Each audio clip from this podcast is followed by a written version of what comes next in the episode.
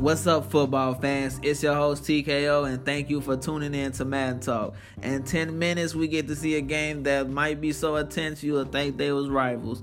You've seen both owners exchanging insults between them, but now it's time to put the money where their mouth is. It's the Chiefs versus the Texans.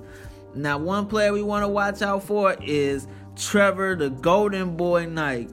He has speed like Vick and an arm like Drew Brees. I can certainly say he might go for at least five TDs this game if the Texans are not careful. Don't underestimate their wide receiver corps either. Starting wide receiver Neil Jackson standing exactly at 6'7. Who can guard that man? However, Texans are no pushovers either, and the defense is stout, beginning with McKinney. That's the guy the Chiefs should be worried about, and he's a force to be reckoned with on his own. Let's look for him to rack up at least like six sacks tonight. This is a highly anticipated game, and this is only week two. Thanks for tuning in, and I'll be back with the post game news and around the league updates. Peace.